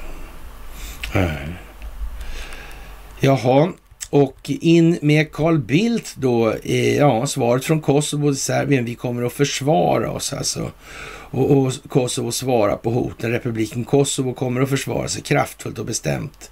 Skriver då deras premiärminister Albin Kurti. Det håller på att stelna till även på Balkan. Mm. Pivoarian. Mm. Den ja, strategiska förträngningen för den eurasiska landsträckningen. Mm. Alltid under människornas historia så har det varit en konfliktzon. Mm. Prometheus-myten om Aiskylos. Mm. Till och med Pandoras ask alltså. Till och med det alltså. Till och med det. Mm. Jaha, Europa rustar för vintern, hisstopp, kontanter och Karlshamn i stabsläge alltså. Och i Tyskland har centralbanken bunkrat kontanter för att ha alternativ om bankomaterna lamslås. I Frankrike har myndigheterna tagit fram beredskapsplaner som att hissar ska spärras av samt försäkrat allmänheten om att bortkopplingarna kommer att pågå i max två timmar. Mm. Vad är det som kommer? Vad är det som står för dörren? Mm. Ja, vi kan ju inte lita på vårt eh, viktigt meddelande till allmänheten om man tappar bort koderna och instruktionerna. Det kan ju vara någon som har tagit dem och som, som inte hört av sig och sagt att de har gjort det. Mm. Det verkar ju tråkigt i så fall. Det blir ju segt om det blir till julafton alltså. Mm. ja, man vet ju inte faktiskt. Mm. Och ja, är det regisserat eller inte det här alltså? Och, och Turkiets president Recep Tayyip Erdogan eh, ser det som en nödvändighet att Kreml rensar de kurdiska styrkorna i norra Syrien. Det säger han i telefonsamtal med sin ryska motsvarighet Vladimir Putin, skriver AFP. Ja, man vet ju inte. så kan det vara. Och eh, det kan vara på en hel del andra sätt också, men det kan vara så framför allt kanske. Mm. Länderna upprättar 2019 ett avtal om att upprätta en 30 kilometer lång säker zon för att skydda Turkiet mot gränsöverskridande attacker från syriskt territorium. Och, och ja, nu menar Erdogan då att eh, Ryssland som är nyckelspelare i Syrienkriget och stöttar president Bashar al-Assad misslyckas med att leva upp till avtalet. Jaha. Ja, Erdogan har hotat med att inleda en militär insats i norra Syrien för att driva ut de kurdiska styrkorna som han beskyller för den bomb som dödat sex personer i Istanbul i november. Mm. Är det här planerat på något vis eller vad är, vad är syftet med det? Vad är liksom eh, det reflexiva kontrollsyftet med det här? Mm. Vi kan utgå ifrån att Erdogan är dum eller Putin är dum. Det är ju som givna grejer. Ja, det, det är liksom... Det, det är normisarna som ska mm, fatta så alltså. Men inte de andra då, som spelar någon roll nu i det här. Inte, det, är alltså, det, det är inte siste man att fatta som är den viktigaste personen på det här. Alltså, för det behövs inte att alla ska fatta. Nej, det, det kommer finnas många som kan förklara och lägga tid på det då. När vi är väl där. Så det, det är inte så att... Ja, det, det, det är någonstans liksom... Man får känslan av att det är lite planerat alltså. Mm. Det får man fan i mig alltså. Ja, och eh, det här med... Varför stämmer inte Fauci Elon Musk för? Det verkar konstigt. Det är klart att han, han, han, förstår väl kanske att Elon Musk förmodligen kan muskla sönder honom finansiellt med advokatkostnader alltså. Mm. Så är det ju också. Och eh, ja, det här med... Ja, vad ska man säga? Epstein. Mm. Kopplingarna till Khashoggi-familjen. Mm. För att få köpa vapen. Eller för att få sälja vapen, ska vi säga. Mm. Hållisar, alltså hållhakar. Mm. Hållagsbusiness. Mm. Men kanske andra Khashoggi, där brorsan, han blev väl var brorsonen kanske? Mm. Han som blev mördad där. Mm. MBS. Mm. Konstigt alltså. Hur fan kunde det bli så? Mm. Nu när det syns hur de omkringliggande förutsättningarna ser ut. Det är jättekonstigt, är det inte det? Jag tycker nog det faktiskt. Mm. Faktiskt. Vi får väl se helt enkelt. Och eh, jaha. Och det verkar precis som att 76 eh, medlemmar av kongressen har brutit mot gällande lagstiftning som eh, syftar till att Förhindra insiderhandel och eh, ja, förhindra då eller stoppa intressekonflikter. Mm. 76 bara. Mm. Det är ju lite grann. Mm. Undrar om man har känt till det där länge. Mm. Är det geofens jag tror? Mm. Ja. Beats me alltså. Beats me. Mm, det kan vara det. Alltså. Det kan det vara. Alltså. Ja, men det vet vi ju inte alltså. Och ja, point of no return. USA och Pristina följer inte avtal, förklarar Serbiens president Vucic i en komplex kris. Alltså, en komplex kris. Alltså. Situationen i den okända republiken Kosovo fortsätter eskalera. Ja, det, det är ju konstigt alltså. Och det här är den svåraste tiden i Vucics liv nu, säger han. Ja.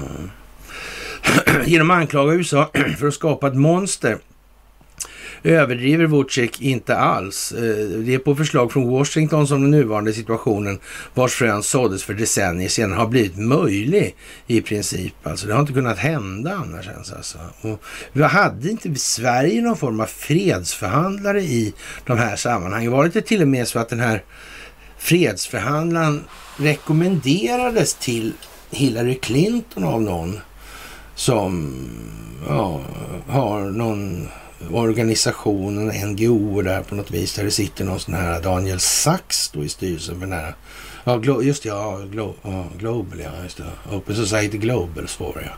Just det, ja. Mm. Och han var förresten han den där eh, Sachs, Daniel där alltså, han har syrra kanske som heter Fanny va? Mm. Ja men så tror jag det var. Så tror jag det var faktiskt. Ja. Var det, fanns det inte någon sån där jävla dominion? Vad hette han då? Ja, han var inte Lord Beaverbrook, för det var andra världskriget. Det var någon annan alltså. Hette han Mallock Brown? Jo, det kanske han gjorde. Just det, så kanske han hette. Ja. Ja, ja, ja, så var det kanske. Ja. Mm. ja, jag vet inte. Det där är ju väldigt konstigt. Alltså, det verkar som det är så mycket hela tiden nu. Aldrig får man vara glad liksom. Och eh, paradoxalt nog kan vi faktiskt få fler invandrare i Sverige, säger nu Ja, ingen mindre än Anders Ygeman alltså. Regeringen gick till val på att så gott som strypa invandringen, men ett förslag om skärpningar i arbetskraftsinvandringen har fastnat på regeringens bord och oppositionen varnar för stora effekter. Trots att vi har den mest eh, högerkonservativa regeringen någonsin kan vi paradoxalt nog få fler invandrare, säger Anders Ygeman, Socialdemokraterna och migrationspolitisk talesperson alltså.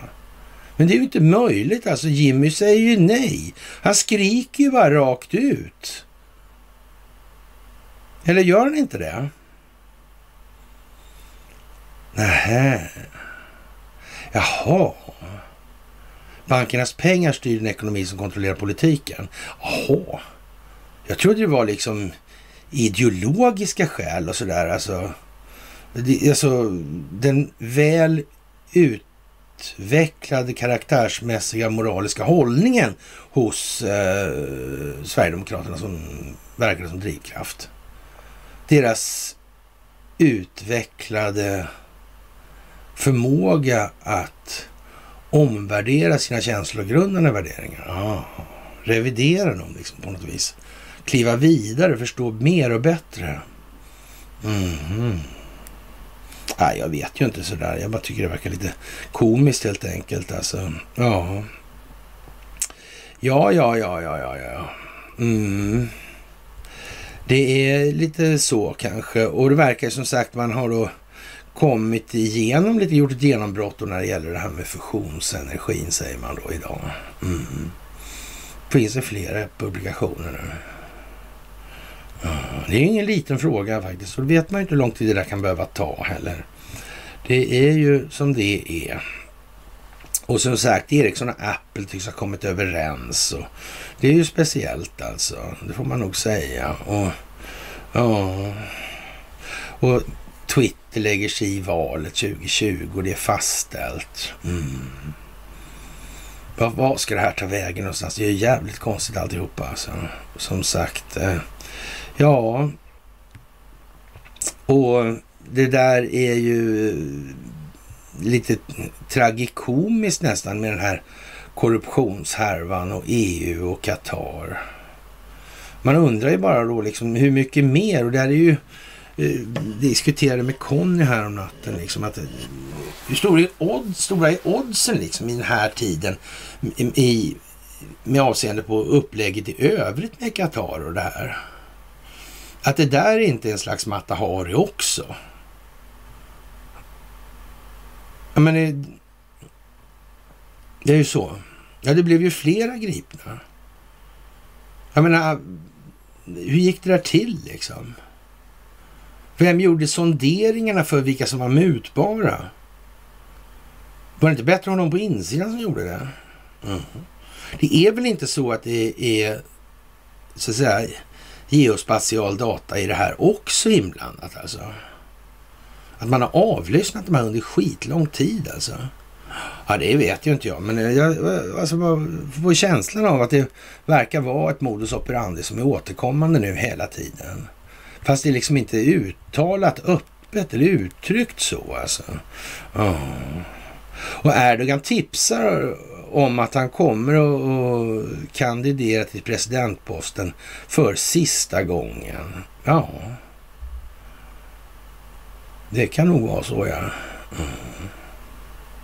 Och det kan man ju tycka är, är liksom, eh, ja, vad man vill alltså om. Men, men det kommer väl att bli så här att Recep Tayyip Erdogan kommer att bli betraktad som någonting alldeles oerhört stort i Turkiets historia när det ska göras bokslut på det här inom en inte alltför avlägsen framtid. Det är bara så. Mm.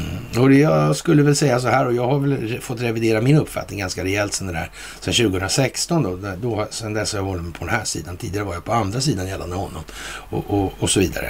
Mm. Men det där med nedskjutningarna, det där gick bort alltså. Och statskuppen, då blev det bara värre. Mm. Sådär alltså. Mm.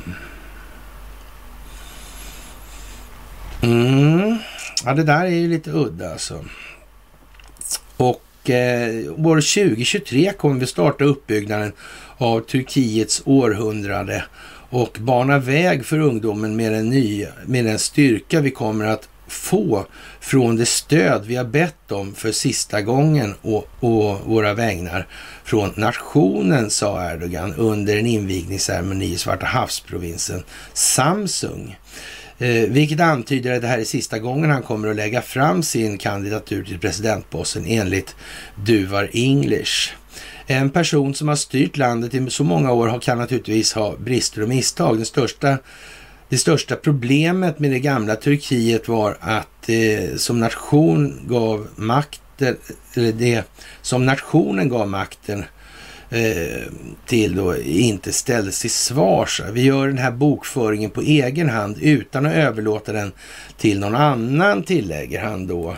Erdogan kritiserade utnämningen av den amerikanska ekonomen Jeremy Rifkin till huvudoppositionens ledare för det republikanska folkpartiet CHP, Kemal Kilicdaroglu, och sa Eh, ja, vi har inte eh, regerat med, med sådana importerade konsulter som, eh, ja, ni folket, ni är nog alltså för det här. Mm. Alltså han kanske menar då att det var som han sa förut, att det här med den djupa staten har funnits där alltid till och med före Kemal Atatürk alltså. Mm så, alltså som ändå, ändå får anses, eller allmänt anses vara någon form av fadersfigur, lite då, ja, motsvarande, ja, vad kan man säga, motsvarande verkligen i ordets rätta bemärkelse då till han den här... ja, han i Finland där med, med, med ja, Gertrud Wallenberg hette hans donna, vad hette han? Ja, ja, ja. Jag kommer inte ihåg alltså. Ja. ja, det där är ju mycket märkligt alltså. Mm. Ja. Jaha, det står någon stor bok här någonstans om han. Gustav Mannerheim alltså. Mm. Sådär, ja. Och det där är ju liksom samma sak hela tiden. Och nu tänker alltså Recep Tayyip Erdogan göra upp med historien en gång för alla här. Mm. Ja, då får man ju nästan känslan av att undrar han känner till då Gustav Oskar. Handelsresande i, i allt möjligt helt enkelt. Som blev turkisk medborgare sen. Mm. Kan det vara så jävligt alltså? Mm. Verkar precis som det. Det ligger liksom i korten nu alltså. Ja. Jaha. Och eh, Erdogan vidare då. Han uttryckte under telefonsamtal med Zelensky hopp om att en lösning kunde hittas på det här med eh, Zaporozhye. Oh. Det där verkar konstigt alltså. Ja, det var konstigt alltså. Och det där är ju lite sådär... Äh, det, det, går ihop på alla sätt alltså. Det finns liksom inga tomma ytor kvar i det här längre. Det är bara det här. Och, och sen blir det bara värre dessutom. Ovanpå det alltså. Ja. Och och eh, som sagt, Rökstenen och sanningen om Bråvaras slag är en lite eh, tjusig grej i de här sammanhangen. Det måste man ju säga. Och eh, historieomskrivning är ju en gängse metod att se till att legitimera, eller för att legitimera sina egna gärningar och syften. Så. Mm. Och enskilda nyttomaximeringsintressen är och förblir enskilda nyttomaximeringsintressen. Så får man tycka vad man vill om det. Men det är så i alla fall helt enkelt. Ja, och eh, som sagt, Marcus Oskarsson är ju vad han är och det kanske vi inte behöver ta upp. Det blir bara dummare och dummare faktiskt. Och ja, Musk han tycker att ett litet åtal på Fauci vore på sin plats helt enkelt. Och ja, och, och, Sveriges Radio har en liten intressant grej som vi... Eh, ja... Utländsk polis kan behövas i Sverige under EU-ordförandeskapet. Ja. Det här med militärpolisbilar är ju intressant alltså. Konstiga grejer det här. Konstiga grejer. Och det här med Lockerby är ju också konstiga grejer. Men ändå inte alltså. Lite bra sådär. Oh. Och sådär, konkurrens är djungens lag och samarbete är civilisationens lag. Mm. Kan man ju säga, enligt Kropotkin också till exempel. Mm. Huvudpersonen bakom fallskärmen blir kvar får förnyat förtroende i Skifus styrelse alltså. Och det är ju liksom som det är här nu och uppenbarligen är det så att kommunen tänker då Eh, räddar arslet på sig själva, vilket leder till att befolkningen kommer rimligtvis snart att tycka att det här går ju inte, vi måste göra någonting åt det här. Problemet är att om rötan har gått ända ner i botten, ja då vet man inte vad som blir kvar av det här. Men så här ska det inte fortsätta. Det är alldeles uppenbart helt jävla säkert. Jag kan säga så här, jag tror att det kan till och med bli sådana problem med, med polismyndighet och åklagarmyndighet i Sundsvall att, eh, ja, jag vet inte, det kanske blir externa lösningar på det här under en period. Mm. För städas det ska det. Jag tror att eh, Sergej Lavrov uttryckte det där bäst faktiskt under en presskonferens tillsammans med Ann Lind, där han förväntar sig Sveriges stöd när det gäller Kubal som ligger i Sundsvall. Det kan ju innehålla fler dimensioner än vad man kanske först noterade. Mm. Det skulle kunna vara så faktiskt. För det här med kommunledningen som sitter och delar ut ja, substantiella belopp. Medvetna om att så ska man inte göra. Vi får se. Vi får se helt enkelt. Ja, och eh, FBI och eh, justitiedepartementet och eh, DNI, alltså Director of National Intelligence, har alla nu konfirmerat att det här med Hunter Bidens dator, att den var inte desinformation alltså. Mm. Ja, det gör ju ingenting bättre för den djupa statens situation i USA, så kan man ju säga. Mm. Så är det ju definitivt alltså. Ja, och eh, vidare då med, med det här eh, kryptovalutan FTX där. Mm. Den finns ju alltså... Ja, det finns derivat på det här alltså. Försäkringar mot kursförändringar alltså. Mm. Och totalt sett är den delen då någonting i paritet med jordens BNP. Knappt något alls alltså. Mm. Det är luft på luft på luft alltså. Saruman, your staff is broken, twittrade Elon Musk och, och, och, det är ju liksom lite som det är här och nu då. Och, och finansfamiljens bolag slussar pengar till eh, spelsajter utan licens, utan svensk licens alltså. Och, ja, det är ju konstigt det där och, och, med Malta och allt det här. Och, kan det varit, blivit, var, är det satt i system man tror? Oh, de här, det här fulspelet alltså. Mm. Stenmark satt i morgonsoffan och beklagade sig över hur illa han mådde under sina glansdagar. Mm. Hm. Undrar om det gick att spela på skidåkningen. Svenska samhällets idé om att skapa en nationalikon var i alla fall inte så svår att upptäcka. Nej, det var ju inte det. Ja, tänk vad konstigt alltihopa blev. Ja, så tokigt, så tokigt, så tokigt.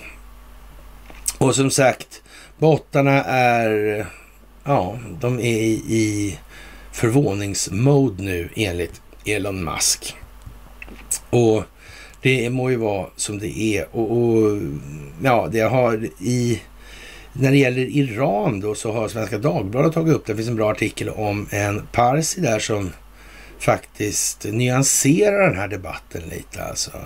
Och, och tar bort den från det här äh, sjaskiga liksom, eh, ja, eh, sunnisekteristisk extremism mot Shia dito då alltså. Mm. De försöker föra, föra mer nyanserad debatt i de här sammanhangen. Det är inte populärt alltså. Det är inte populärt av någon anledning. Och han gör det förtjänstfullt alltså, det ska man säga. Mm. Kanske det är lite mer sekularisering på gång i Mellanöstern. Vad var det Picot sa? Härsken och söndring. Ja. ja. Polaritet alltså. Ja. ja, jag vet inte. Det kan ju vara så. Det kan ju vara så. Och som sagt, eh, Nobelfesten var ju en, eh, ja, en tragedi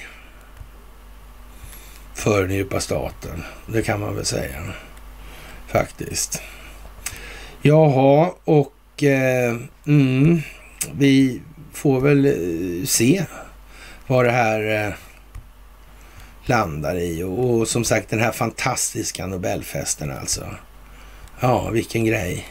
Vilken grej. Det måste man säga. Det måste man säga. Oh. Sara Skyttedal vill ha legalisering av cannabis. Nej, bara hennes gamla köksgolvfakturer som hamnar på kommun där. Och, och vem lyder du? Sara. Det finns ett YouTube-klipp med Sara. Mm. Vilken herre lyder, lyder du? Jesus Kristus eller? Frågar en muslim. eller är det Wallenberg? Ja, det är värt att titta på. Det är värt att titta på. Det är bara att söka på kanalen så hittar ni det säkert. Som sagt, det är fantastiskt det här som vi gör tillsammans. Och ja, vilken klang och galaföreställning. Vi går in på Lucia-natten här nu snart. Och det lackar mot jul. Och ni är fantastiska. Ni är helt fantastiska. Det måste man säga. Och ja, Straight men reading fashion magazine, what a world we live in. Ja, what a world we leave to our children, sjöng han då på Nobelfesten. Jag vet inte, jag måste tycka det var jättetråkigt. Det, jag, ja, det bara regnade in direkt, ja, direkt från direktsändningen. Så, där, så ja, fantastiskt och tack för att ni engagerar er i det så ni, som ni gör alltså. Och de här ekonomiska teoribildningarna, jag vet inte om det är någon som ens tycker det är värt att prata om det där jävla tramset längre alltså. För det är det inte. Det är helt intellektuellt dött alltså. Ja, det är bara så. Det finns egentligen inte så mycket att säga längre i så mått. Och vi kan väl säga så här att det här med Dumpen ska vi ta upp någon gång också. Och, och, man kan bli dömd för att planera mord men inte för att planera sexuella övergrepp på barn. Alltså själva stämplingsbrottet, där, förberedelsebrottet, alltså planeringsbrottet. Mm. Det där är en konstig grej alltså. Janne Josefsson i de här sammanhangen är en mycket udda figur alltså. Inte nog med att han drog till New York någon gång där med, med Ingrid Carlqvist och Lasse Vilks. Va? och, och träffade Pamela Geller. Inte nog, det, var, det var konstigt det där. Men nu visar det sig att eh, ja, i vart fall eh, Lars Vilks har, har, en något annorlunda eller djupare syn på tillvaron än vad han eh, har låtit påskina faktiskt. Ja, de här konstverken då som... Mm, mycket speciellt helt enkelt. Det verkar återigen som mycket av det här med kärnan hamnar på ett och samma ställe. Den här sunnisekteristiska extremismen. Mm. Ja. ja, det där är ju faktiskt lite udda i den här tiden, det måste man säga. Men nu är det jul igen och då ska alla vara glada. Alltså. Marocko slår ut Portugal och ett gammalt kolonial eller koloni, en gammal koloni då slår ut en kolonialmakt alltså. Mm. Symptomatiskt kanske för tiden. Mm. Kanske det kanske. Men eh, hur som helst alltså, ni är fantastiska. Det är ingen diskussion. Det här blir jättebra och det kommer att bli fantastiska tider i vad som nu kommer. Mm, så är det bara. Det behövs lite mer knuffar, det behövs lite mer lidande. Men det är bara att hänga i så kör vi allt vad vi har i mål nu. Och med det så vill jag väl önska er en glad Lucia och så hörs vi väl då senast på onsdag. Okej, okay, trevlig Lucia på er.